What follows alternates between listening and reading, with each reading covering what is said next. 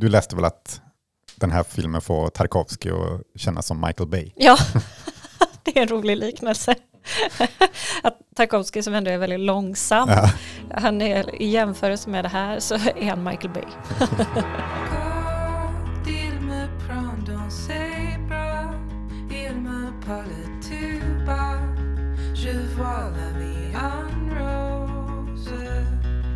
Ja, välkomna till eh, avsnitt eh, 17 av Kinomatiskt.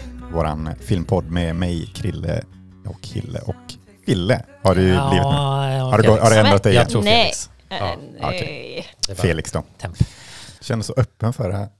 Förra Jag kommer vara väldigt bestämd och avstängd här nu. Ja, nej. det kanske passar bra i det här strama eh, avsnittet som det blir idag. Sant. Men eh, ja, det är ju filmfestival börjar nu i veckan. Mm. Ehm, ser ni fram emot det? Ja, Mm. jag är bara rädd att jag inte kommer hinna se så mycket som jag vill. Ja, det är tråkigt. Jag får se hur det blir med, mellan eh, hur mycket man orkar plöja av det digitala. Eh, Mm. man har ju lyckats, eller jag ser ju mer filmer på grund av det när de har implementerat det.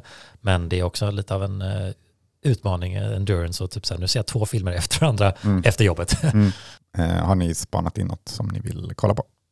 Jo, men det har jag. Kanske jag har lite sämre koll på onlineutbudet. Det är väl den korsett där med, eh, vad heter hon? Krips va? Ja, Ja, Vicky Kripps. Vicky. Eh, Mm. som jag inte så här, så här, den vill jag se och sen så är det väl några till men jag har inte så jättebra koll där men det känns som att det är kul att bara, ja men jag kommer kunna se dem, jag kommer ha valet, jag behöver inte tänka så mycket.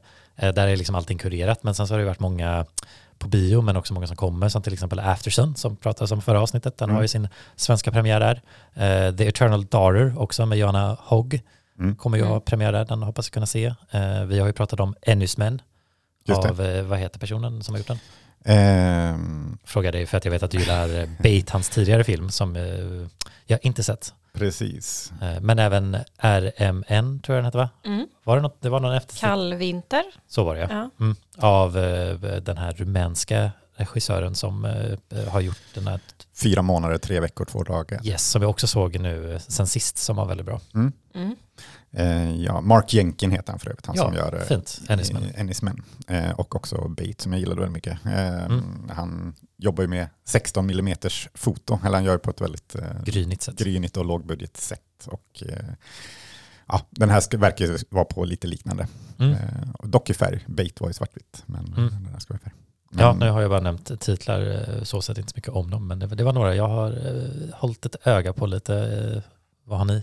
Ja, men just, eh, ja, men som, som du säger, många är ju eh, filmer som kommer på vanlig bioscen också. Mm. Eh, det känns väl eh, så här, måste man se dem på filmfestivalen också, för det finns mycket annat att se. Ja. Liksom. Ja, för att Eh. hinna se dem som inte kommer på bio. Ja, för jag har ju, alltså senaste två åren, eh, innan det har jag ju liksom, jag har varit ganska anti filmfestivalen länge. Men det var väl lite, ja det var nog året innan pandemin som jag sa, ja men nu ska jag ändå gå lite igen. Eh, och insåg att det var ganska kul. Ja, sen blev du besatt. Ja men sen kom online-grejen och då blir det så här, jag måste kolla allt online. Ja. Så jag har ju senaste två åren har jag ju plöjt liksom allt. Eh, Det är helt sjukt. Eh, nej, jag missade några förra året tror jag. Men, eh, eh, så, och, och där känner jag, ju- ja, men lite som du säger, jag vet att jag kommer kolla det mesta på online så jag orkar inte kolla upp vad det är innan. Utan Och lite bara, kul att vara, gå in blankt Ja, men och liksom precis, överraskad av precis. filmen än eh, filmfestivalens blurb liksom. Ja, exakt. Så, så egentligen är det inte så mycket, jag ser egentligen inte fram emot något, men ser fram emot allt. typ. Ja. Men, eh, ja, men som uh, Ennismen och den en, en RMN Mm. Eh, har vi ju biljett till i alla fall. Så Mm, de blir det på bio. Biljett, Mm. precis. Hille, är det något annat du har spannat in? Nej, alltså jag vet inte, jag har ju bläddrat igenom katalogen och så här, den här är intressant, den här är intressant. Så det, ju, det känns som att det är ganska många som jag skulle vilja se. Men som sagt, jag vet inte hur många jag hinner se. Mm. Men ja, corsage, eller korsett. Ehm, skulle jag vilja se. Nej, men det jag, ja, jag har bläddrat igenom lite och det finns några som jag är intresserad av. Men jag vet inte. Men det är en sån kul process att- få bläddra i någonting och känna att så här, den här vill jag se. Eller liksom, Ja. det gillar jag inte som med filmfestivalen och bara bläddra i den. Det gjorde jag även liksom de åren jag kanske såg en film eller inte gick. Att man så här, den skulle jag vilja se, den skulle jag vilja se. Ja men det är bara, kul. Jag, jag satt på Mm. en lunchrast på jobbet och satte så här post-it på de olika Mm. sidorna. Det här, det här, Mm. det här. Jo men det, det, det, det, Det är lite kul, det är lite Ja, spännande. och just Mm. en återkommande upplevelse med filmfestivalen, oavsett vilken film man ser så har man interaktioner med den programmet i alla fall, för det är inte som att jag kanske går på röda mattan-visning eller Mm. invigningsfesten eller något sånt där, så så mycket, utöver att man kanske går till då Draken och köper en biljett eller ser en film på Draken så är det inte som att jag har så många andra liksom så här, det här är filmfestivalen för mig, men programmet är i alla fall det. Mm. För mig är det ju, eller jag har ju ritualen med mitt Google Docs som jag gör, där jag slänger in alla online-titlar och gör upp schemat när jag ska se dem, liksom, ut efter hur jag jobbar och sådär. Ja. Så det är, det är en kul process tycker jag. Ja, men det förstår jag. Ja. Det- det- det- Önskar att jag var så ambitiös i, i det. Jag är nog så här, nej, vilka är det nu? Okej. Mm. Men apropå den invigningsfesten, kanske är den sista platsen på jorden jag vill vara på. Det känns fruktansvärt på så många sätt. Jag vet inte vilken vibe det är, jag har ganska dålig Ja, men känsla. det känns så skitnödigt och jag menar, jag är nog skitnödig själv så jag Ja. behöver inte vara bland massa andra liknande. Nej, nej. Brings out the worst in Ja, you. din, din, pretentiousness skulle bara så här bubbla över. Liksom, så nej, jag ett Google Docs schema ut? Jag, jag håller mig borta. Jag vill inte att hela Göteborg ska implodera. Så jag, jag stannar hemma Ja. och kollar på eh, onlinefilm istället.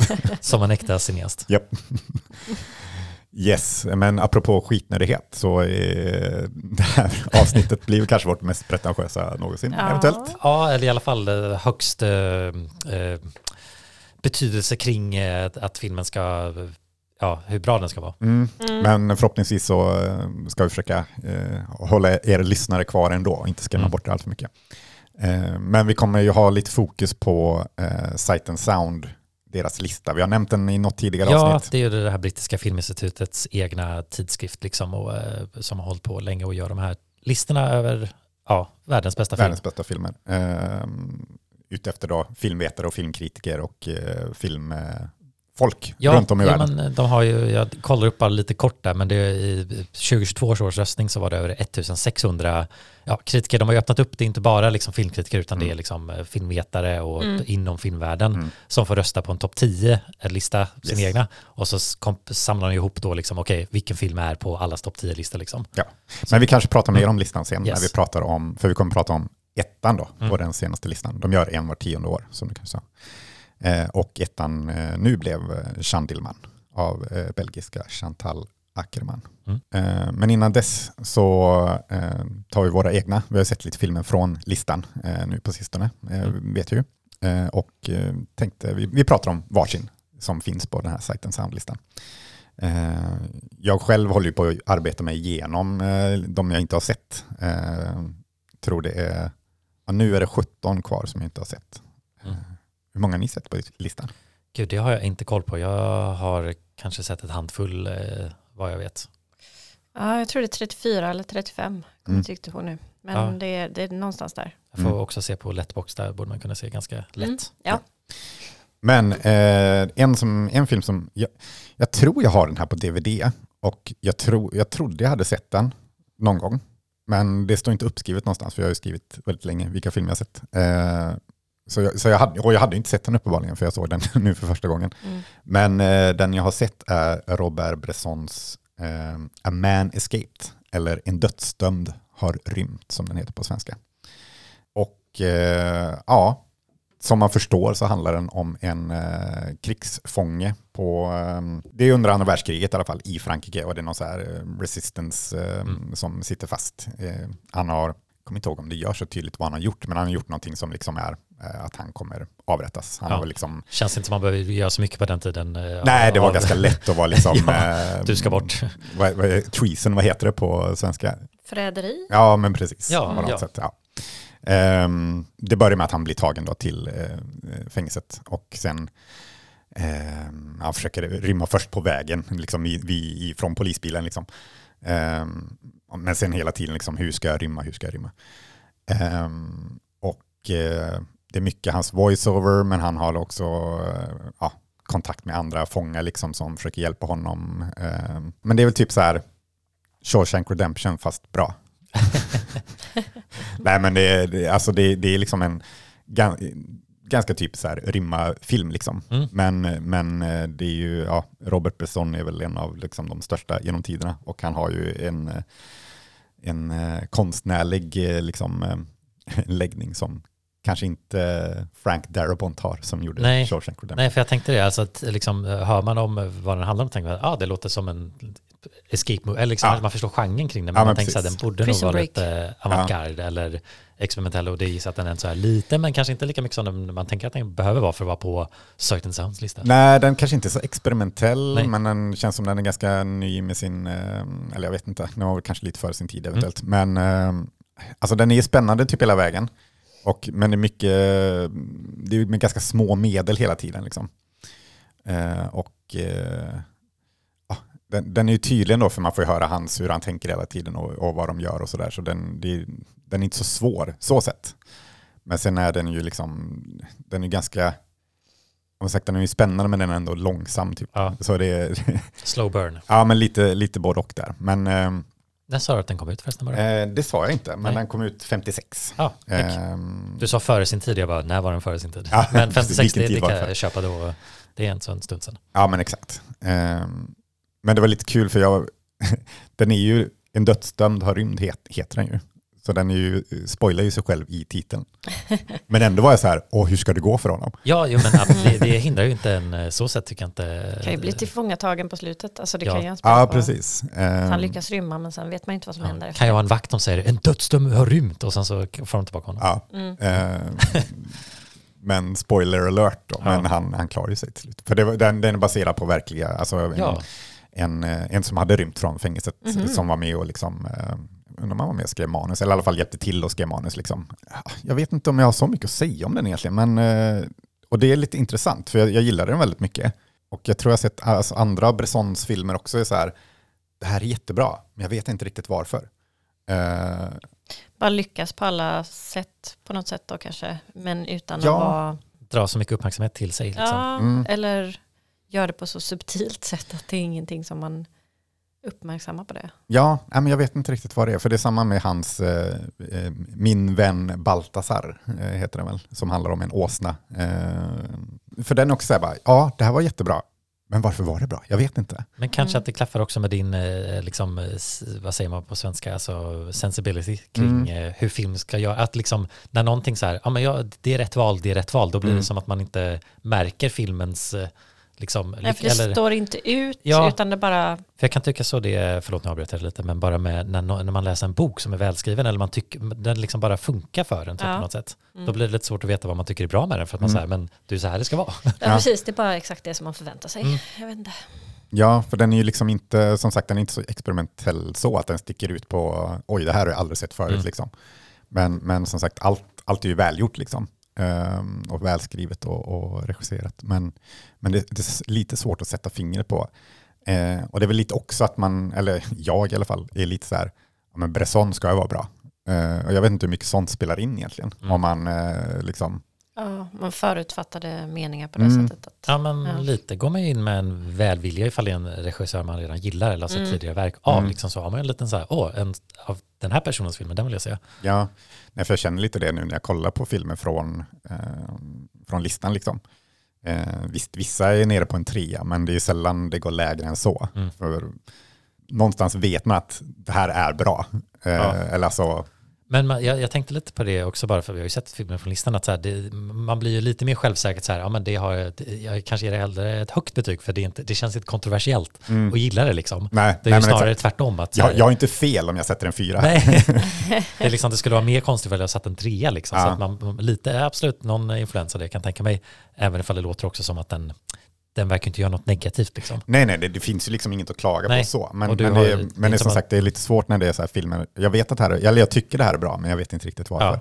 Och det är som sagt, det är lite så med hans andra filmer som Mm. jag har sett också. Ehm, men eh, ja, nej, men det, det är ju lite det där med förutfattade meningar, in, eller alltså vad man har för förväntningar och sånt där Mm. på en film. Ehm, och nu när jag kollar filmer därifrån då, så tänker jag att det ska vara bra. Ja. Jag snackade ju lite om att jag, klag, eller jag klagade lite på förra, mitt förra års filmtittande. Att det inte var så många eh, filmer som jag tyckte var jättebra. Men nu när jag kollar listan så känns det, nu har jag redan kollat ganska många som är, är väldigt bra. Liksom. Eh, så det, det känns som 2023 kommer bli ett bra, bra Mm. filmtittarår. Ja, men jag, jag har haft lite så också. Jag har också sett lite klassiker på senaste bara för att jag skaffade det här Mubi som är lite sån eh, arthouse streamingtjänst från eh, USA, jag vet inte om de är baserade i USA. tror det, men jag Ja. är inte säker. Men det har också varit så här bara fyra, fyra, fyra, liksom Mm. bara på, på raken liksom. Mm. Men det är så här, ja, de, de, de, de ska nog vara där Ja. liksom. Det är så skönt ändå när man får någon slags så här streak av filmer som är bra. Mm. Är så, ja. Men då blir man så här, nu måste jag se typ en dålig film. Ja, jo, för det är också skönt att se Ja, dåliga filmer och ibland. det blir en kontrast att se någon helt annan genre liksom. Typ sådär, så att det, ja, Mm. det är Men det- intressant. Det tänker jag ju, eller jag, tänk, jag tänkte på det lite häromdagen, men, men har ni så här typ filmångest över att så här, ska man verkligen se dåliga filmer? Ska jag kasta bort? Jag har ändå bara ett visst antal filmer under mitt liv som jag kommer kunna se. Ska man, Ja. ska man slänga bort några på en dålig eller ska man... nej, nej, den ångesten har jag inte. Nej. För jag kan ju tycka att det är skönt att se dåliga filmer ibland. Jo, det är ju det. Men jag, ibland kan jag känna så här, ja, det kanske bara är 10 000 filmer jag kan se resten av livet. Vilka ska de 10 000 vara? Ja, jag, jag, jag har Ja, inte den eh, nej. heller för att jag tänker nog inte så Det är här, du eh, Krille. Ja, det är nog Jag jag. kommer inte se så många filmer liksom så här så att det blir inte så, jag har inte någon känsla av att så här, jag måste få in de bästa liksom för att man bara, det är ju oändligt med tid att se film känns som. Ja, ja, men det är ju inte det. det är det, det, Samtidigt så vet man ju inte heller hur länge man kommer leva. Nej, men jag räknade på eh, att jag lever 50 år till och snittar 200 filmer per år. Mm. 50 år. Då blir det 10 000 kvar. Så man kanske ska skriva upp en lista. på, men man får ju lämna några tomma då, för det kommer nya filmer som man vill se. Mm. Man kanske gör en lista på de här, de här 8 000 filmerna. Kanske kommer se om några filmer också. Ja, fan. Mm. Hur ska man få tid med allt? Allt sånt här kan ge mig ångest alltså. ja, nej usch. Ehm, men ja, den är ju lite ångest, äh, ångestfylld filmen också. Mm. Även om Ja. den ändå slutar ganska lyckligt. Mm. Men, ehm, eller ja, just för stunden i alla fall. Stressande. Eller? Ja, men den, alltså det, den är stressande men den är inte så här liksom, Högt hade den gjorts idag så är det snabba klipp och, och en nervig musik liksom. Här är det ganska tyst liksom. Och så ligger de uppe på taket i typ fem minuter och kollar på någon vakt som cyklar runt för de så här ska hitta rätt Mm. tillfälle och, och ta sig vidare liksom. Mm. Men det är liksom hans, är det återkommande försök eller är det att han liksom försöker en gång eller liksom är det, jag bara tänkte på filmstruktur, är det alltid bara den här jakten efter att komma ut och liksom han Nej, men han tar sig liksom längre och längre så att säga. Så här bara, oj nu har jag så här lyckats karva upp dörren så att jag kan komma ut genom den. Eh, och så går han runt i liksom korridoren och, och sen får han vänta ett tag och så, okej, men nu är nästa steg, hur ska jag ta mig vidare där? Mm. Så den är ju, på så sätt är den ju strukturellt eh, väldigt, eh, vad ska man säga, eh, Rak, liksom Ja. enkel. och, och liksom eh, awarding typ. Eller alltså Mm, den, mm. den är väldigt, eh, ja, Tillfredsställande att se precis, tillfredsställande var det jag tänkte. nästa bit liksom. Mm. Mm. Utan att Eh. behöva ett montage liksom. Ja, precis. Och sen är det ju alltid det här, och han sitter och karvar och så hör man liksom någon vakt som Mm. är på väg. Och måste han fixa till så att det inte syns. Ja, det har man ju sett många gånger Mm. tidigare, men det, det är ju, man gillar ju det liksom. Ja, och den gör det väldigt bra, Mm. eh, skulle jag säga. Så om man vill se en väldigt svår film, som ändå är ganska lätt, så kan jag ändå, eh, ja, tycker jag ändå Gillar att den är bra. du Prison Break-serien? Ser den här? Ja. ja, ja, men typ. men eh, lite om den och Mm. min filmångest eh, i alla fall. ja. Det var någon gång jag såg på någon filmlista på Cinefix eh, och var lite bakis tror jag. Men då började jag, jag tror jag började gråta lite grann över liksom hur mycket bra film det finns. Jag blev så här, Du är en sån så karaktär. otroligt. Du är verkligen en sån karaktär. ja men jag låg där och bara, åh det är så många bra filmer. så ja, så det finns ju, det är inte bara ångest kring eh, Nej. tittande. Nej. Men vilken, det. eh, Ja. vilken ranking hade den på Sight and Sound? Eh, Den hade nummer 95, så den är Mm. ganska lå, lågt ner då. Men är ändå 95 bästa filmen Ja. genom alla tider då. Ja, jag såg jag hade sett 35 stycken filmer på listan. Ah, okej. Ah, då är, vi ligger i Mm. samma. Fight! Yes. Men vilken har du sett eh, Hille? Ja, ja. Ja. ja. jag har sett eh, eh, Ugetsu från 1953 och den har jag också Krille sett då. Ja. Såklart. ja, en till 50-talsfilm. Tio år tidigare. Eh, ja, Mm. och den låg väl på plats 92 om jag inte minns fel. Ja, precis, 92. Ehm, det är en japansk film av Kenji Misoguchi. Och ehm, det är väl en lite folkaktig film, eller nästan folkhorror, fast den är inte så läskig direkt. Men Nej. den har ju övernaturliga inslag den här filmen då. Och den är baserad på två eh, berättelser från en eh, 1700 1700-talsförfattare vid namn Ueda Akinari. som var väldigt influerad av gamla japanska sägner och eh, folksagor. Mm. Så ja, den har ju verkligen den, den tonen i filmen då. Ehm, ja, och man, man skulle väl kunna säga att det är någon slags moralsaga ehm, om girighet och kanske all, framförallt mäns girighet. Eh, och hur alla får lida på grund av den. Eller har jag dragit det här för långt? Nej, men det, Ja.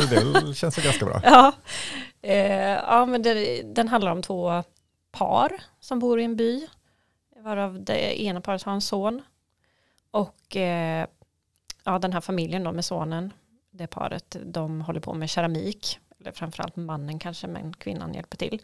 Och tillsammans med eh, lite hjälp ifrån den andra mannen då i det andra paret så säljer de här två männen keramiken då och det går rätt bra.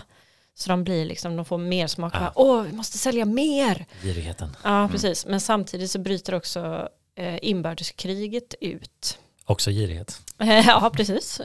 Och eh, eh, den, en, den andra mannen då i det här andra paret, han vill jättegärna bli samuraj till varje pris. Han är helt besatt av tanken på att bli samuraj. Och han liksom tänker inte ens på vad som ska hända med hans fru eller någonting. Han, han har liksom tunnelseende Ja. eller han blir helt ja, besatt av att han ska bli samuraj.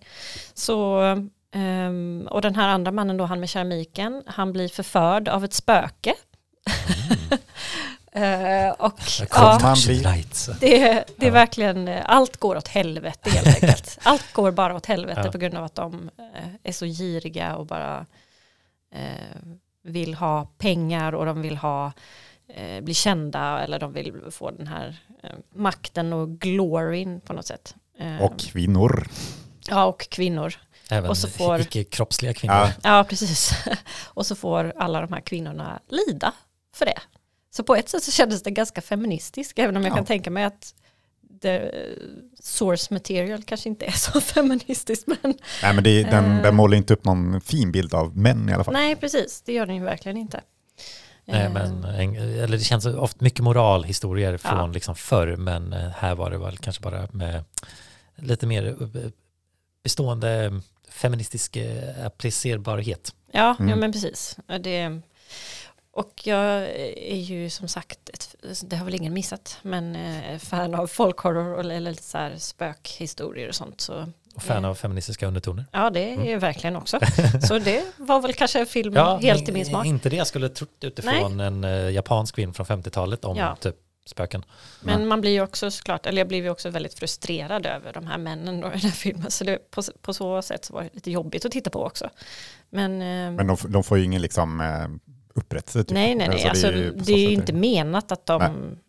Det, ja, det är ju menat att man ska tycka att de är skit. Mm. så på så sätt så, ja.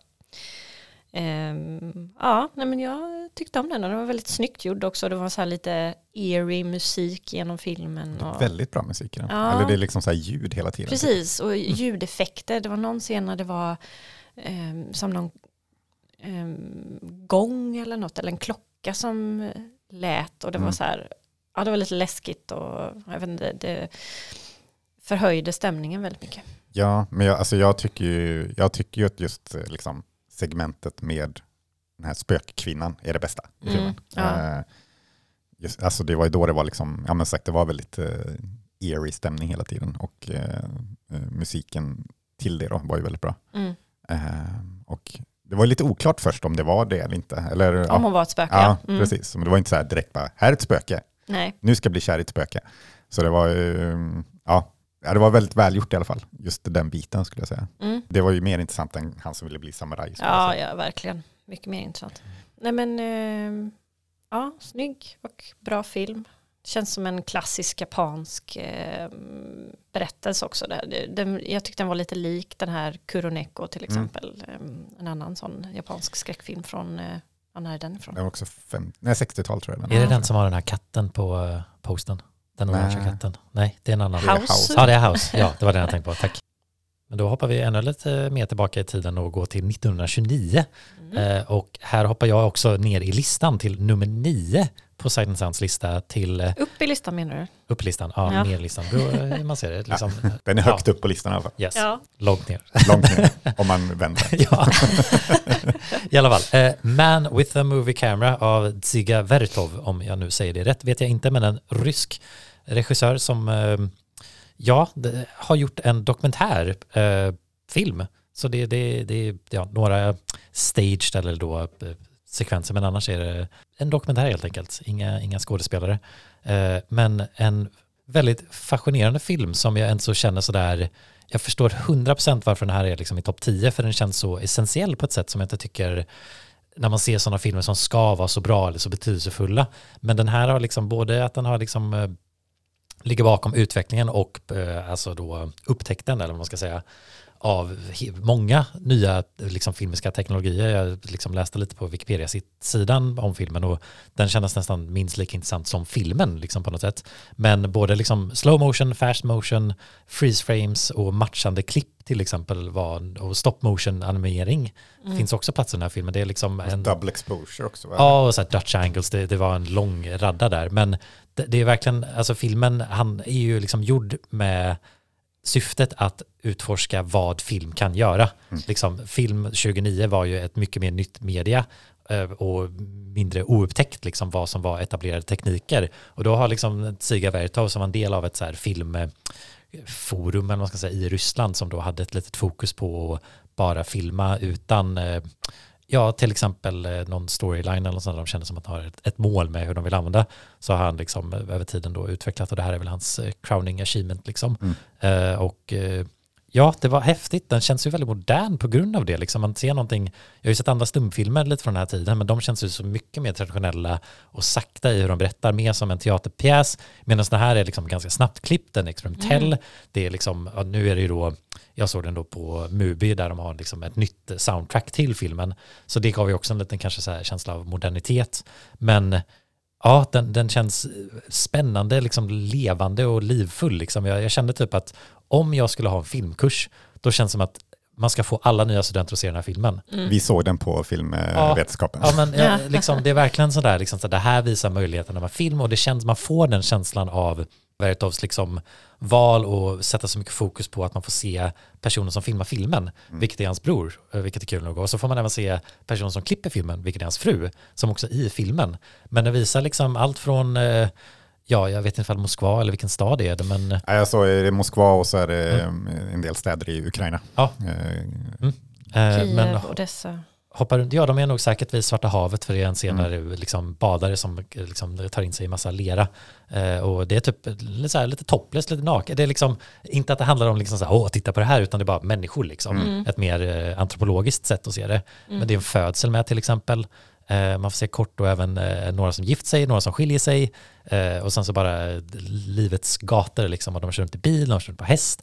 Visar uteliggare, visar rika människor, sport. Liksom bara fyller in allting och filmar det på ett intressant sätt. Ja men det är ju Eh, det som är grejen just, ja. att det är inte så noga vad som filmas, utan Nej. det är mer hur det filmas Ja. som den handlar om typ. Och just liksom nöjet i att se vad som kommer härnäst, liksom vad Mm. kommer liksom filmets öga blicka sen. Och sen känns det som att det finns en, ja, man kan verkligen tror jag, om man vill nörda ner sig, liksom hur den säger med vad filmen tittar på. Det finns ju några liksom sådana kompositioner där man liksom ser ett öga genom en lens liksom, Mm. och det känns väldigt mycket sådär kameran genom ögat är liksom essensen av vad film kan vara och den lyckas förmedla det på ett sätt som var häftigt och kul liksom. Ja, nej men den, den är ju självklart eh, extremt stilbildande och eh, före sin tid. Ja, För när, 2009.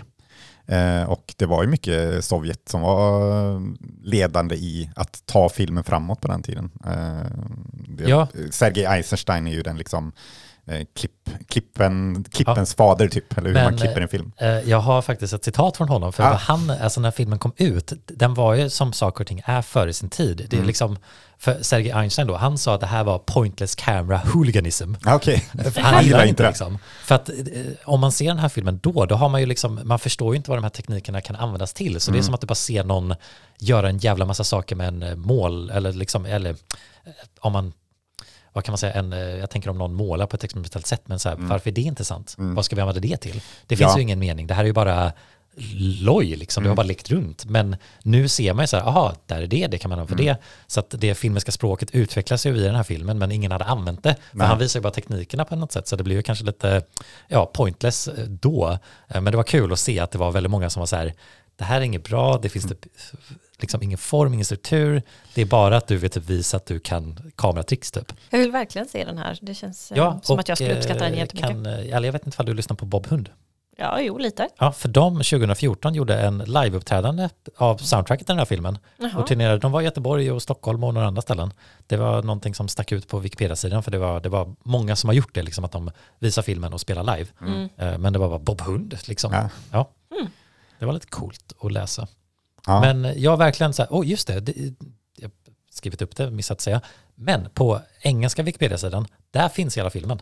Men, så eh, det, det är väldigt lättillgänglig, även ifall det kanske är lite underligt att gå in på Wikipedia och se en film i Ja, det känns konstigt. Men eh, gör det, YouTube och så också. Ja. Skulle jag det på. tror jag nog också. Men se den här filmen.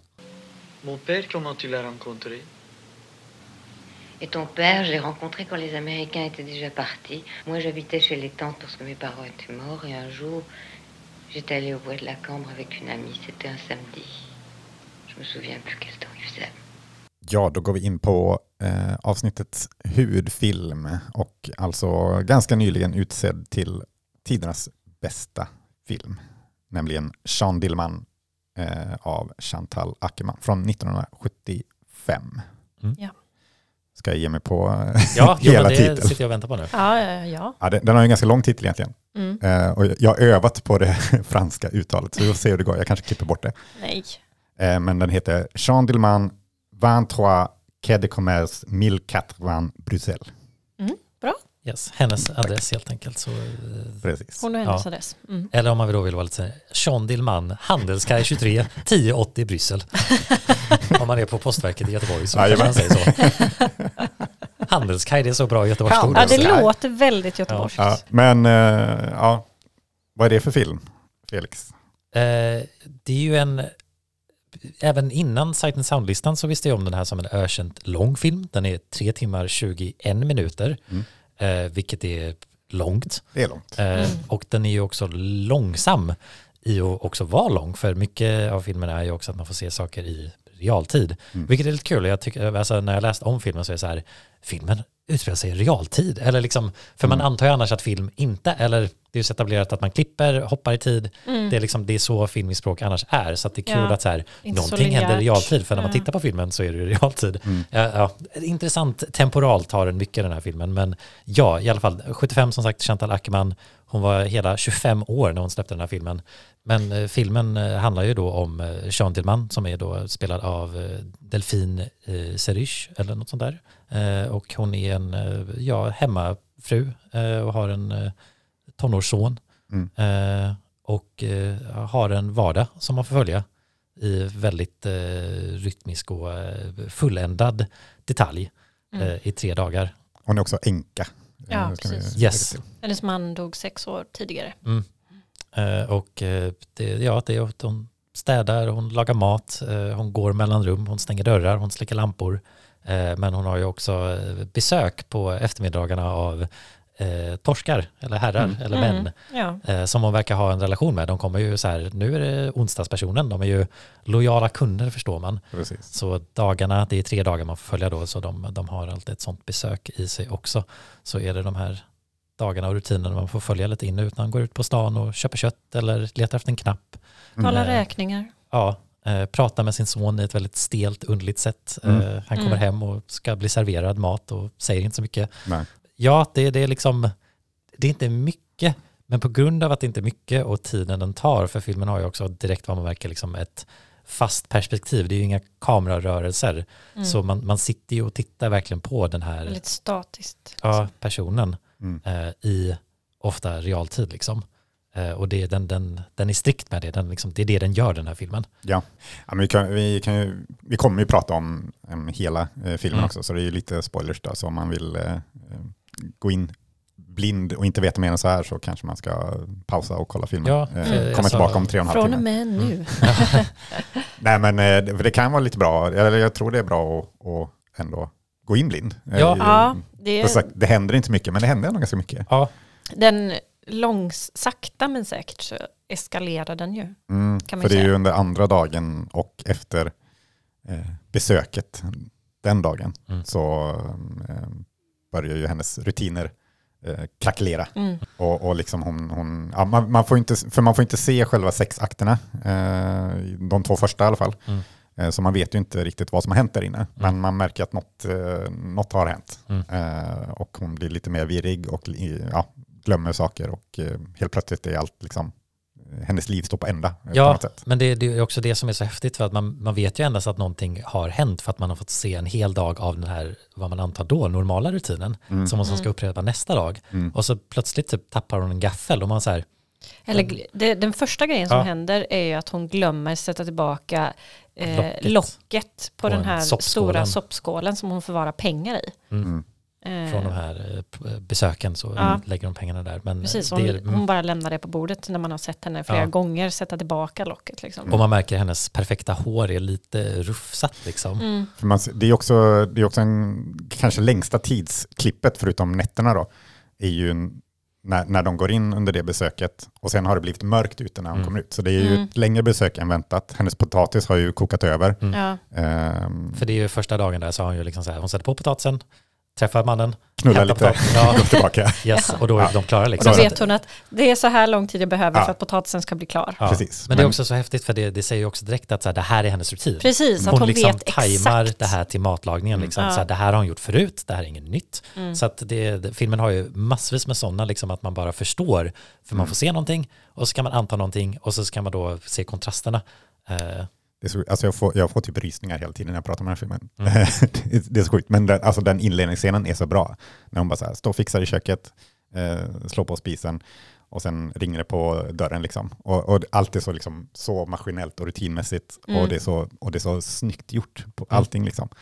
Eh, för, för trots den här då väldigt stilla och långsamma takten och fasta kameramomentet, men det är ju, väldigt, det är ju som massvis stilleben. mm. Det är väldigt väl avvägt i kompositionen, vad synkning är och just att man får Färgskalorna också, Ja. alltså färgsättningen, allting. Och är- att man kanske får sju minuter och se hon diska gör ju att man Mm. också kan se allting annat i liksom, scenen och i ja, rutan. man hinner, ja. Jag göra uppskattar sig lite när man får tiden och liksom som att man går till ett museum och tittar på eh, massa eh, konst, målningar. Mm. Men man, man kanske inte tar sju minuter och tittar på varenda en, men man skulle ju få mer ut av det för man gör det. Mm. Och här blir du tvingad av filmen att göra det. Ja, men jag, för jag tänker det. Alltså, ja, den är lång, den är långsam. Men den, den här filmen på något sätt behöver den, den längden och Japp. det tempot. Ja. Annars hade ju det inte varit, Nej. den hade ju inte varit etta på Nej. Sight and Sound om den hade hade inte varit klippts samma ner typ till en och, film. Alltså för att ber- berätta historien så hade det ju krävts 1.30 typ. Mm. Men då hade det inte varit samma historia Nej. och den hade inte varit lika bra. Men det, Mm. det tillät, jag tyckte också att jag fann, eller för min del så blev det mer hypnotiskt ganska snabbt, att man Mm. sa det här är intressant, det bara är det av någon anledning. Liksom. Mm. Men också att eftersom det inte är så mycket som händer så blir man inte så överväldigad. Vilket gör att man kan sitta längre utan att man känner så här, gud vad jobbigt det är, för man vill inte, det är ingen överflow av information. Mm. Så den känns inte så lång i helheten bara för att det inte är så mycket som händer egentligen. Till skillnad från en film som är två timmar och känns, gud vad onödigt lång den här var. Men det är oftast för att de ska packa in så mycket information. Den här har ju inte det problemet, vilket jag, eh, jag tyckte inte som man märkte. Mm. Men sen så, jag tycker, eller jag tycker att den är, den är liksom så, den har så motsägelsefulla, vad ska man säga, den är, för, för mig är den både lugnande men samtidigt stressande. Mm. Mm. För jag blir väldigt stressad av eh, hur hon hela tiden springer runt där, snabba steg med sina högklackade skor inomhus och liksom eh, fixar med mat, fixar med det här, fixar med går in och ut ur rum och alltid stänger och öppnar dörrar efter sig. Liksom. Eller, dörrarna måste vara stängda Mm. till alla de här rummen, annars, för det, allt ska vara så ordentligt. Och hon håller på det hela tiden så att allting går liksom bara, ja, men som på rutin då, och, men det går så snabbt hela tiden så här. Nu går jag till det här rummet och gör det här, väldigt snabbt eh, överstökat. Och sen går jag vidare till nästa rum och så gör jag det här och, alltid, och så jag stänger alltid dörren efter mig. Och det gjorde mig liksom stressad Ja, ja, ja. samtidigt som att det också var väldigt lugnande att titta på Mm. i vissa scener när hon liksom bara, ja men jag vet inte, diskar. Ja. Mm. Ja, nej, jag upplevde nog inte samma stress av den aspekten, men jag förstår vad du menar. Att det är liksom Mm. så här, för mig gav det väl också att man kanske inte riktigt tröttnade lika snabbt för att så här, det, det blir någon rytm till att liksom så här, släcka lampan, stänga dörren. Liksom. Mm. Alltså bara rent mekaniskt hur det låter nästan också. Och det, det är lite, liksom, det, det känns som att man kan urskilja så många detaljer från en simpel akt som att Mm. släcka när man lämnar ett rum. Men det är också just att filmen har ju inte, det är ju knappt någon dialog. Eh, och hon, Jean Dillman, eller då Delfin, hon är ju med, det är ju en, nästan bara henne man ser i filmens hela tre timmar liksom. Eh, men det tillåter en att göra så många analyser och tankar, eller man får tiden att tänka. Eh, så det blir så mycket som får så mycket mening på något sätt som är häftigt med filmen. Även ifall det fanns moment där min uppmärksamhet också dippade lite. Mer kanske när man var ute på stan än i lägenheten på något sätt. För där var man lite så här locked in att så här, jag vill se vad som händer, vad är skillnaderna liksom just när det är sådana här små saker. Det är ju en andra dagen där också efter det här mötet då liksom och det är väl då lite underförstått att så här, hon har fått en orgasm under det mötet. Det är det jag har Ja. läst själv och det var Ackerman själv har sagt liksom att efter det mötet så har hon fått en orgasm av det här besöket och det liksom blir en hennes kropp har liksom förrått henne i hennes kontroll. För det är liksom en kroppslig sak, hon kan inte kontrollera det och det är det som sätter henne off resten av den dagen. Och det är det som också då leder upp till slutet. Eller det här, jag fattar inte det heller när jag såg den, men det kändes som att alla, allt jag läste om den så var det så att det är det här som sker. För även då sista mötet, då får hon också en till orgasm. Mm. Och det är lite det som blir det här ivret till att eh, ja, eh, hon dödade ju den här sista personen. Mm. Ja, för det, i tredje är det ju, det är ju första gången man får se sexakten. Ja, Eh, kommer in eh, rummet, då, ja. då, för då tänkte jag ju det här att Mm. okej, hon får en orgasm, hon känner att för, för jag tycker filmen handlar ju väldigt mycket om saknad, eller hennes saknad efter sin man. Liksom. Okej. Mm. Eh, på något sätt. Det tänkte jag nu när jag såg om den i alla fall. Mm. Eh, och det, därför tänker jag att, ja, men som, som du säger, att hon har liksom förrått eh, kanske det eh, på något Ah, okej. sätt. Ja. Jag tänker att det också är att tappa kontrollen. Mm. Ja, för det var det, var med det jag kom in på, men jag, jag kanske fyller också mina tankar lite av vad andra sagt Mm. liksom om det. Och det kändes som att det fanns så bara, aha, det här var det etablerade, det som hände på något sätt liksom. Mm. Eh, Ja, för under andra känner jag att det lite är mer oklart. Jag, här, jag funderar ut liksom om det var en våldtäkt eller någonting som ja, det eh, trodde jag nästan första nu när jag såg den också. utspelat sig. Men ja, för det börjar ju redan där liksom. Mm. Att, eh, eh, ja, hon, hon tappar fattningen. Liksom. Ja, liksom kroppen förråder hennes rutin och stilla sätt att kunna kanske hantera sin ångest liksom med de här rutinerna och något sånt där. Att det blir både det här lugnande men också det här stressande någonstans Ja. liksom. Det är nog att jag tänker på något sätt att det nästan blir lite maniskt. Mm. Att jag, det stressar mig. För det känns som att hon gör allt så metodiskt och vet exakt vilken ordning hon ska göra saker i. Mm. Som känns som att ett sätt som jag bara städar på när jag har bråttom typ. Ja. Eller jag vet inte. Och jag kommer också tänka på liksom den äldre generationen människor. För det känns som absolut som någonting som min farmor hade kunnat, kunnat göra. Liksom. Alltså att eh, det här med släcka i varje rum, stänga Mm. dörren eller liksom nu ska jag göra det här och nu ska jag göra det här Mm. och allting ska ske perfekt tajmat typ. Och det, ett sånt typ av liv stressar, stressar mig. Ja. Där har du säkert skrivit upp dem, men hon gjorde ju den till sin mamma. Exakt. Eh, Ja. Eller den är ju en hyllning till Mm. den typen av kvinna. Ja, eh, precis. Som väl är det, född runt 30, kanske 20-30. Ja, liksom. ja, men precis. Och det har jag, precis, det har jag läst också. det blir ju också det där som filmen också hyllas för och som är väldigt häftigt att den visar ju vad som annars anses inte vara en viktig akt, alltså hushållsarbete. Mm. Det, det skulle man ju klippa bort från en film.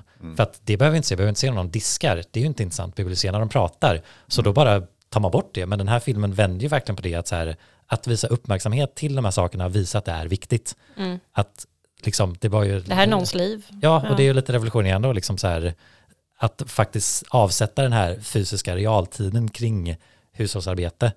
Eh, Det, det tycker jag är så häftigt med att den, den bara gör det. Eller att en film kan, Mm. liksom, att visa uppmärksamhet är att antyda betydelse. Liksom. Mm. Och det, det gör den utan, bara genom att visa det. Liksom, utan att säga så mycket om det. Mm.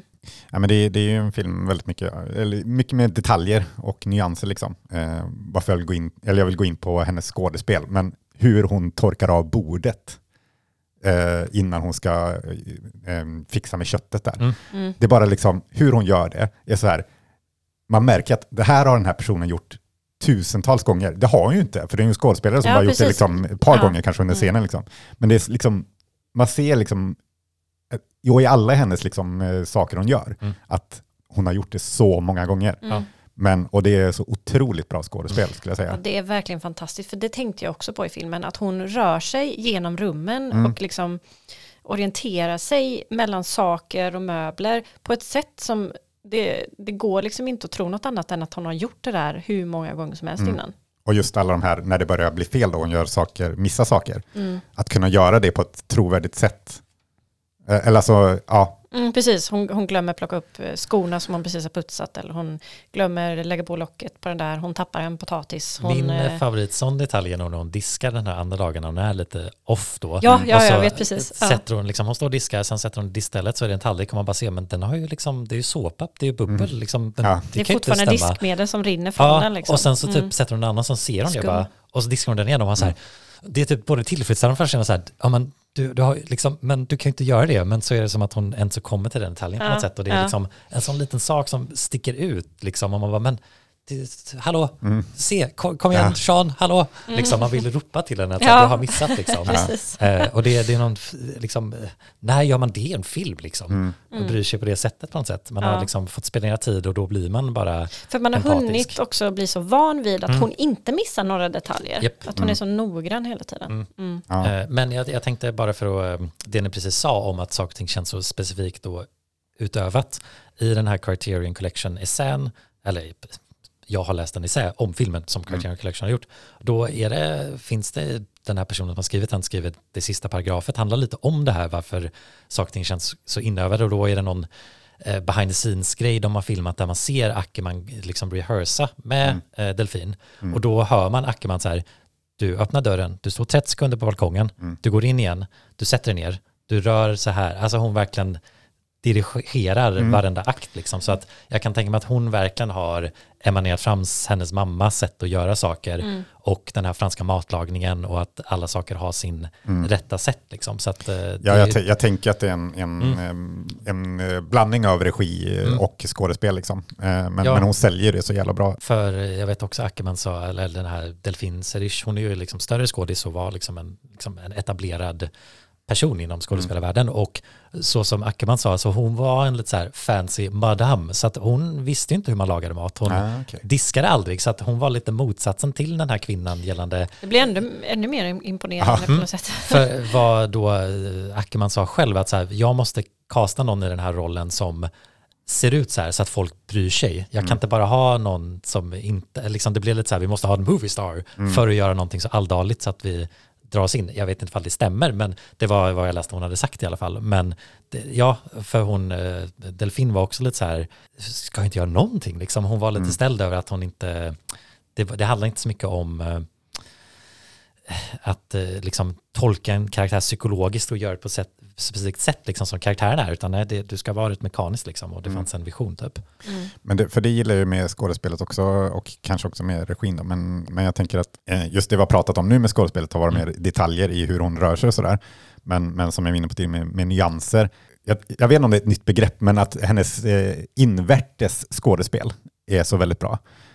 För, och det, det är ju väldigt abstrakt, men, för man ser det inte. Men man ser på henne att det händer saker i henne. Alltså det, jag älskar när skådespelare lyckas liksom göra en karaktär så levande att man märker att sak, saker och ting pågår inuti huvudet och bakom liksom fasaden. Men speciellt de eh, scenerna när hon typ har, hon liksom de andra dagarna när hon så här Ja. har liksom tajmat sitt schema fel och så sitter hon typ i en stol och så här Man, man ser över. på henne, alltså hon, hon gör ju inget, inga ansiktsuttryck överhuvudtaget, men man ser på henne att de Eller bara väldigt- skriker inombords. Ja. Liksom. Ja. Eller väldigt subtila eh, ansiktsuttryck. Ja, ibland. knappt det ibland. Liksom. Ja. Men, Men, det man, är liksom en lätt liten handrörelse så här mot typ bröstet. Så här, man bara känner att så här, nej, men gud, hur mår du liksom?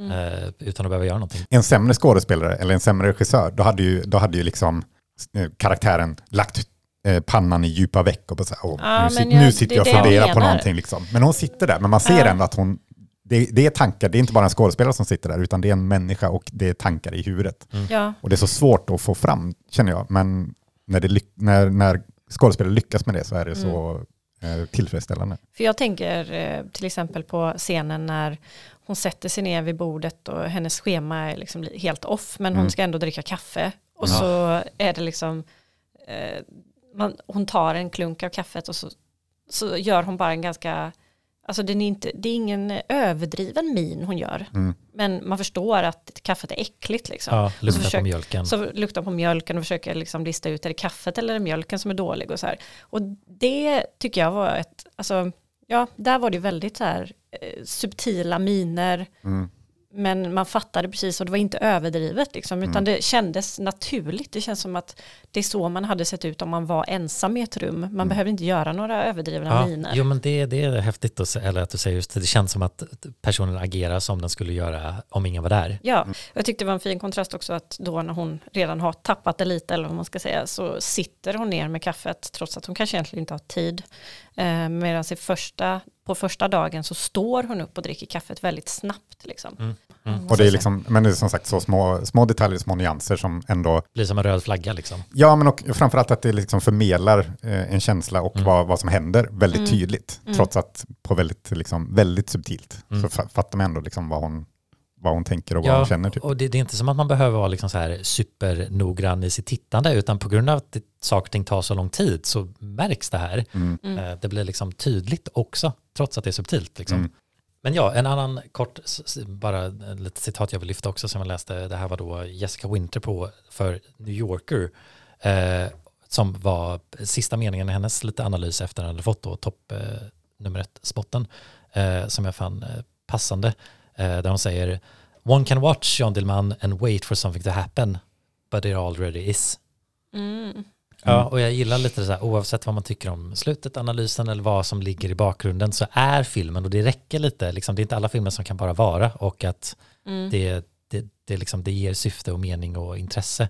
Mm. Eh, för den är ju väldigt öppen eh, liksom också. Eh, nej, eh, och, eh, nej, eller ska jag säga en sista sak? Det. Det var ett roligt citat från Ackerman själv, eh, men hon fick frågan då så här, ja men varför ville du avsluta filmen med ett mord?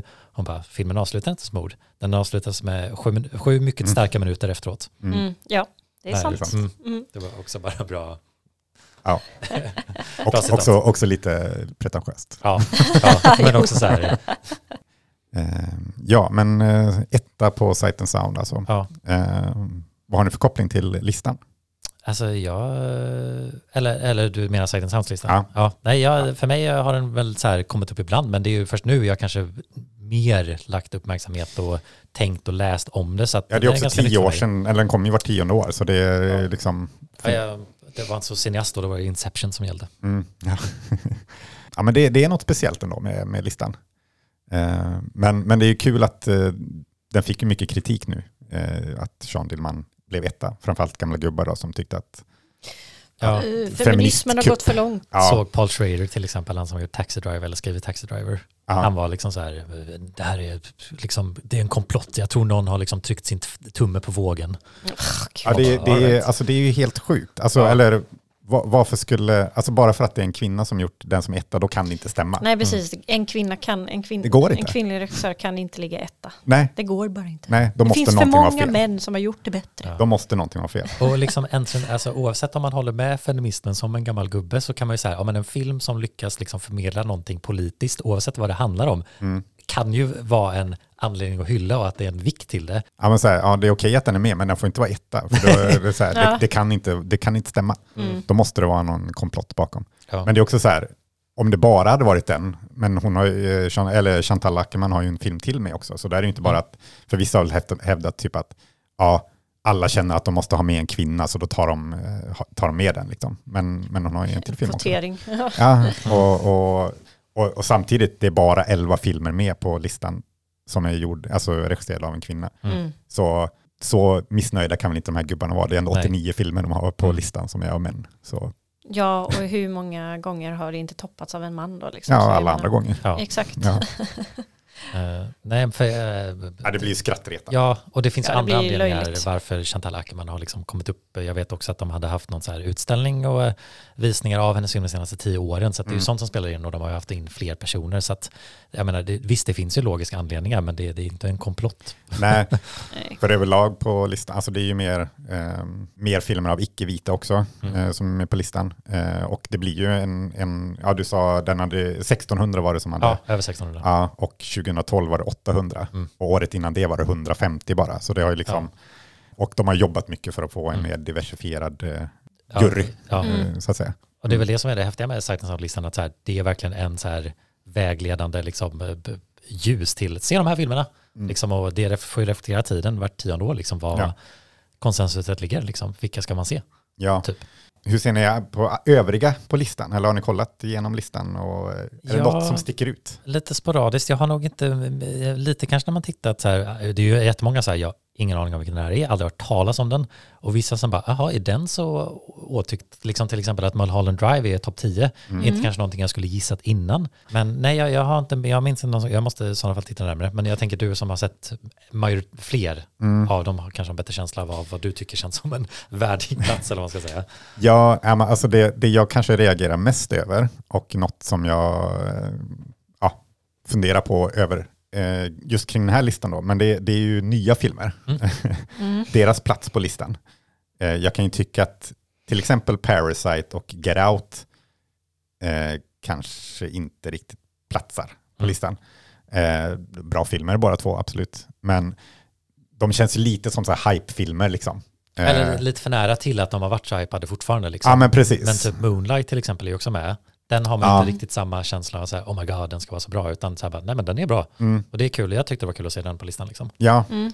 men eh, och, och, då, och då kommer man ju till det här som jag har sett det har diskuterats på andra håll också, men ska det finnas någon tidsbegränsning?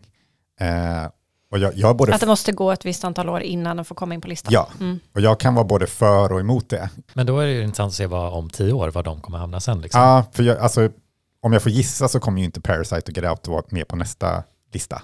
Eh, Nej, kan, då Då kanske det kan kommer vara några andra nya, nya. filmer. Precis, men borde de vara med då? Det, ja. Ja, ja, ja, ja. Men det är så här, ja, jag vet inte. Alltså, jag är både för det, för jag tycker att eh, som sagt vissa blir lite så här hype-val typ.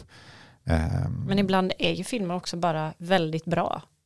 ja, Och det är inte förrän efteråt som man, man vet. Om, nej, eh, nej, men precis. Det är inte förrän efteråt man vet. Ja, men jag tycker inte då att det gör någonting. Menar du då att det fanns andra filmer som förtjänade bättre? Det ska vi inte gå in på, vilka som förtjänar och inte förtjänar att vara med på listan. Men, men, eh, men jag kan, som sagt, jag kan delvis hålla med att det kanske borde vara, vara så. Men sen tänker jag också så här, ja, men liksom, måste, varför måste det gå en tid? För, för jag är lite emot det också. För jag är så här, okej, om man ser eh, Jean Dillman för första gången nu i år, måste jag då vänta innan jag får säga att det är den bästa filmen någonsin? Eller så, Ja. Mm, För det blir ju, ja, vad är en ny film egentligen? Liksom. Exakt. Ja, Så, så på så sätt, eh, Ja, ser man något för första gången så är det väl fortfarande att man ser det för första gången. Liksom. Ja, det är, exakt. Det är inte alla som har sett Sean Dillman innan de Nej, röstade. sen har man väl Ja. kanske en mer förutfattad mening om Mm. man, men, men det blir ju en hype där också, för Mm. man vet att, eh, att den är bra, alltså Ja. inom citationstecken. Och, och det går ju inte att kringgå, är väl också något att ta med sig. Att så här, en lista är bara en lista. Visst, det är ju kul att man bryr sig om den här listan och tas på allvar, men Mm. det är ju fortfarande röstningar av människor. Ja, men precis. Ja, Ja, för det, som sagt, vissa har ju kritiserat listan för det. Mm. En lista, oavsett om det är liksom ihopplock av flera, Ja. så är det ändå en subjektiv lista. Liksom. ja det blir ett eh, subjektivt objektiv konstfilm. Och, Ja. liksom. Precis, så vissa säger att det går, det, det går inte. Men, men jag kan ändå köpa att det här är den bästa listan, skulle jag Mm. säga. Eh, Eller den, den liksom, ja, jag vet inte. Ja. Jag, håller, jag håller den högt i Mm. alla fall. Ehm, ja, men eh, kanske tillbaka till eh, Ja. Jean Dillman då, Ja. och något slags betyg. Vi tar Hilde sist, för det är jag mest nyfiken på. Ja. Ja, du, du har sett mitt, men eh, för mig blir det en femma. Jag är inte så, eh, liksom, med det har vi pratat om så kändes det som att här, wow, den här gör någonting, eh, att det blir lite nyskapande, en annan upplevelse, det här slow cinema-känslan och bara hur den lyckas vara politisk, empatisk och visa men också psykologisk och öppen. Alltså, ja, jag blev, det kändes som att nej, men den här var jag imponerad av och visst lite, den har ettan, jag vet inte hur jag skulle reagera ifall jag inte visste om det här innan. Det, det, ja, Mm. Jag blev nyfiken som du talade om tidigare i avsnittet, liksom med vad, som du sa med eh, Bresson-filmen du såg, Mm. eh, det kan undra över den effekten på mig också. Mm. Att det känns lite kontroversiellt att sätta en femma på den, Mm. för det är etablerat att det kan man Ja. nu liksom. Ja. Så här. Medan annars det bara, nej men det är en fyra och en halva, för Ja. man inte riktigt vågar. Mm. Eh, men eh, jag, jag står fortfarande för att det är en femma. Ja, jag har en femma också. Eh, och även när jag såg om den så en femma. Eh, och den är femma på min topp 100-lista också. Mm. Eh, Wow. vil- Vilket jag gjorde, det gjorde jag innan Sight and Sound faktiskt, eh, förra årets lista. Men den är kvar på femteplatsen även i år. Ehm, så ja, nej, ja, ja, jag vet inte. Jag tycker Ja. den är liksom så bra. Mm. Perfekt film. Ja. Alltså den är fulländad på så många sätt. Och eh, ja, men som sagt, jag var inne på alla de här små detaljerna. Och liksom jag får, får, får rysningar när jag tänker Mm. på vissa scener. Liksom. Eh, ja, det, den är otroligt bra. Mm. Vi ska se. du ser så excited ut. Ja, du hade ju en tre och en halva när du såg den första ja, gången. precis. Ehm, ja, för jag då så var jag, jag minns att jag var väldigt trött när jag såg filmen. Ja, Den var ju otroligt lång. Mm. Eh, Mm. Och jag tappade fokus jättemånga gånger i den minns jag. Så, och jag, så jag var liksom så här, ja, jag, alltså jag förstår. Eh, The appeal. ja, Ja. men jag kunde inte uppskatta det så mycket Mm. just då. Nej, det, det kommer ju inte vara en film för alla. Nej, och det Mm. kan ju verkligen, absolut som du sa, bero på dagsformen. Absolut. Eh, men nu så hade jag ju redan sett den och jag tror jag började, har börjat tänka på den mer som om jag skulle se ett konstverk, alltså en konstfilm liksom. Ehm, för då blir det på något sätt lättare för mig att ta till mig den också. Men också, alltså, vad ska man säga, historia eller kuriosa kring den eller Mm. hur Ehm, eller ja, jag tycker ju att uh, Chantal Ackerman är ju väldigt intressant regissör. Så hela det tillsammans gör ju att den ehm, funkar mycket bättre för mig nu. Och, så, och också efter att vi har pratat om den nu faktiskt kände jag att eh, ännu mer att jag uppskattar den. För att jag blev liksom eh, lite uppspelt Mm. när, Mm. när vi pratade om oh, men, oh, det här och det här. Mm. Att man kan bli det om en film som ändå Mm. anses så tråkig. Ja, men det var någon här som sa så här, man borde se den på, med bio med andra, för att om man är uttråkad så får man dela den upplevelsen med andra. Liksom. Att det är liksom folk som har pratat om att så här, de står och gör den här köttmeatloafen, att Mm. folk bara skrattar. För att det är så här, det är så absurt att vi sitter här, hundra personer, och Kolla tittar på, på, någon. någons någon. hushållssysslor. Ja. ja, ja men det, och det känns som att det är många som känner så här att, för det tänkte jag också på på eh, Letterboxd eh, reviews, där det är folk som så här, uttråkad, 10 av 10. Ja. Alltså så här, Mm, ja. den, den får liksom högsta betyg. Mm. Jag var otroligt uttråkad, men högsta betyg. Mm. Eh, nej, men jag har inte helt bestämt. Och jag vill också inte så här, eller jag blir ju rädd att folk ska bara, åh, den är etta på Sight and Sound, så nu får den fem plus helt plötsligt. Mm, Eller liksom mm. så här, Nej, nej. att, eh, jag, att jag ska vara påverkad av er, eller liksom av att den ska anses vara Ja, men, bäst. Men fan vad du drar ut på det, vad är det för Ja. betyg? Nej men det är ju för att jag inte har bestämt mig vad jag vill ge den. Nej, Men ja, okej. alltså, ja, det, är det fegt med fyra och en halv?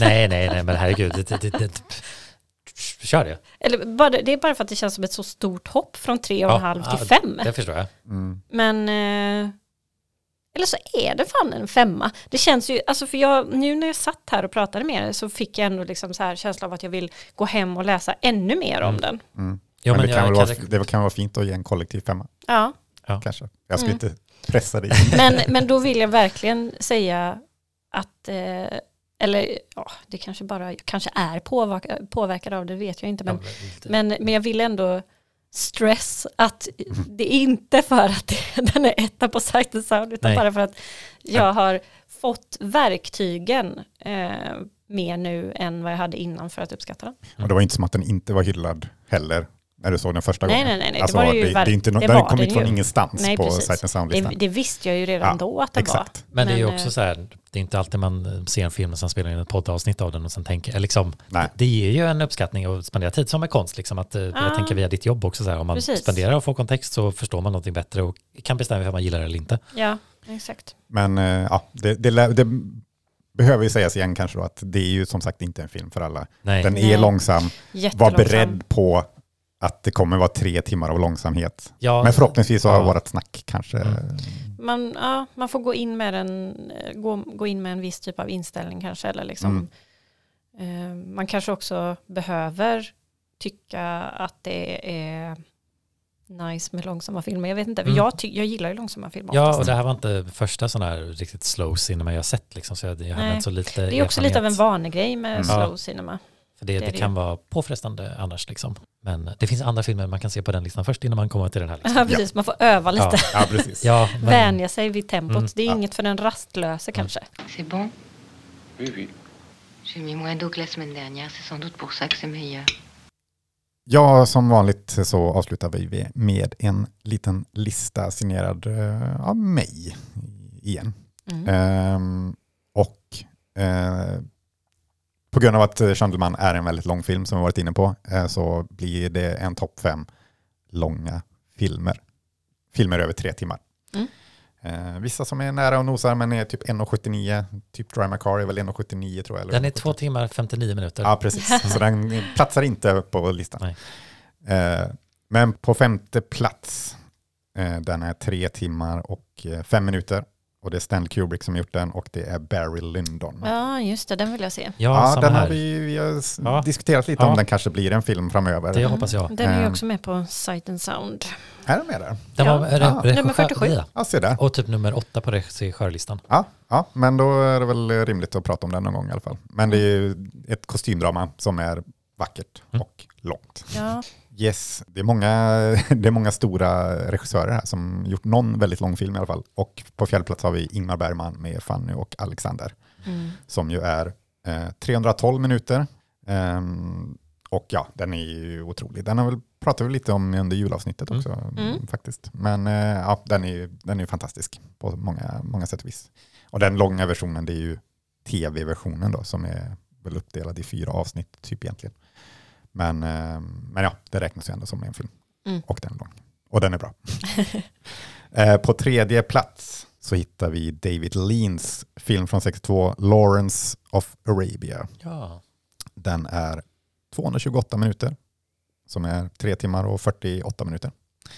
Eh, och eh, ja, den kanske är lite väl lång, den, den blir lite utdragen på slutet. Sista akten är lite tråkig sådär. Men eh, de första två är otroliga, eh, Ja. vackra. Jag såg den i någon alltså, väldigt bra version på bio eh, Mm. och det var helt otroligt. Eh, att se de här stora ökenvyerna eh, Mm. på storskärm. ja, det är ju där de spelar in Dune. Ja, se Mm.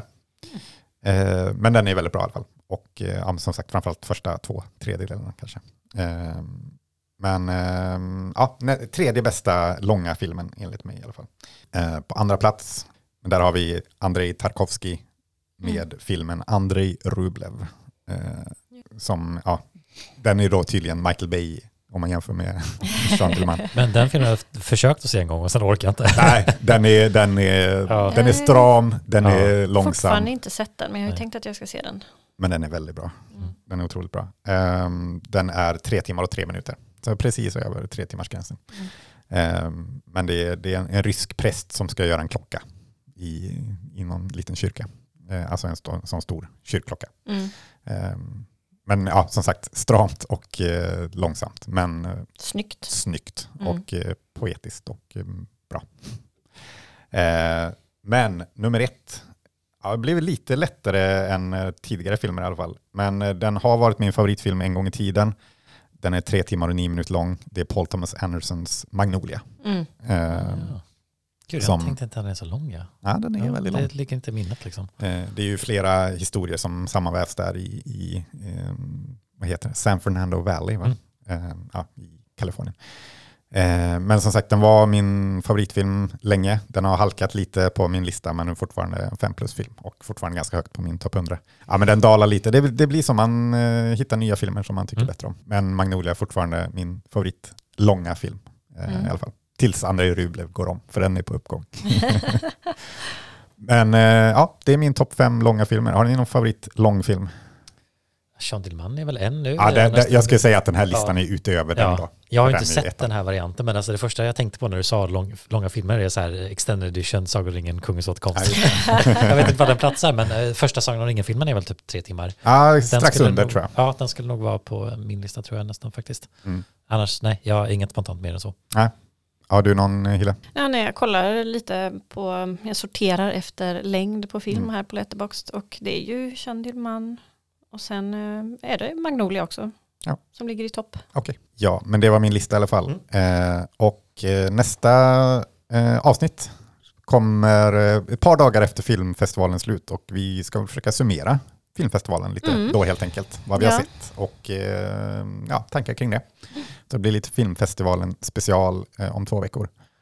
Eh, men nu är det bara att avsluta och eh, vi tar en en annan lista. Eh, Listetta. Listetta, precis. Eh, Rolling Stones eh, lista över 500 bästa låtar som kom för två år sedan tror jag, Mm. eller 2021. Eh, och vi tar ettan där helt enkelt. Och det är Respect med Aretha Franklin. Mm. Lite kvinnotema på det också. Då. Ja. Så det passar väl bra. Men med det säger vi hej då. Hej då.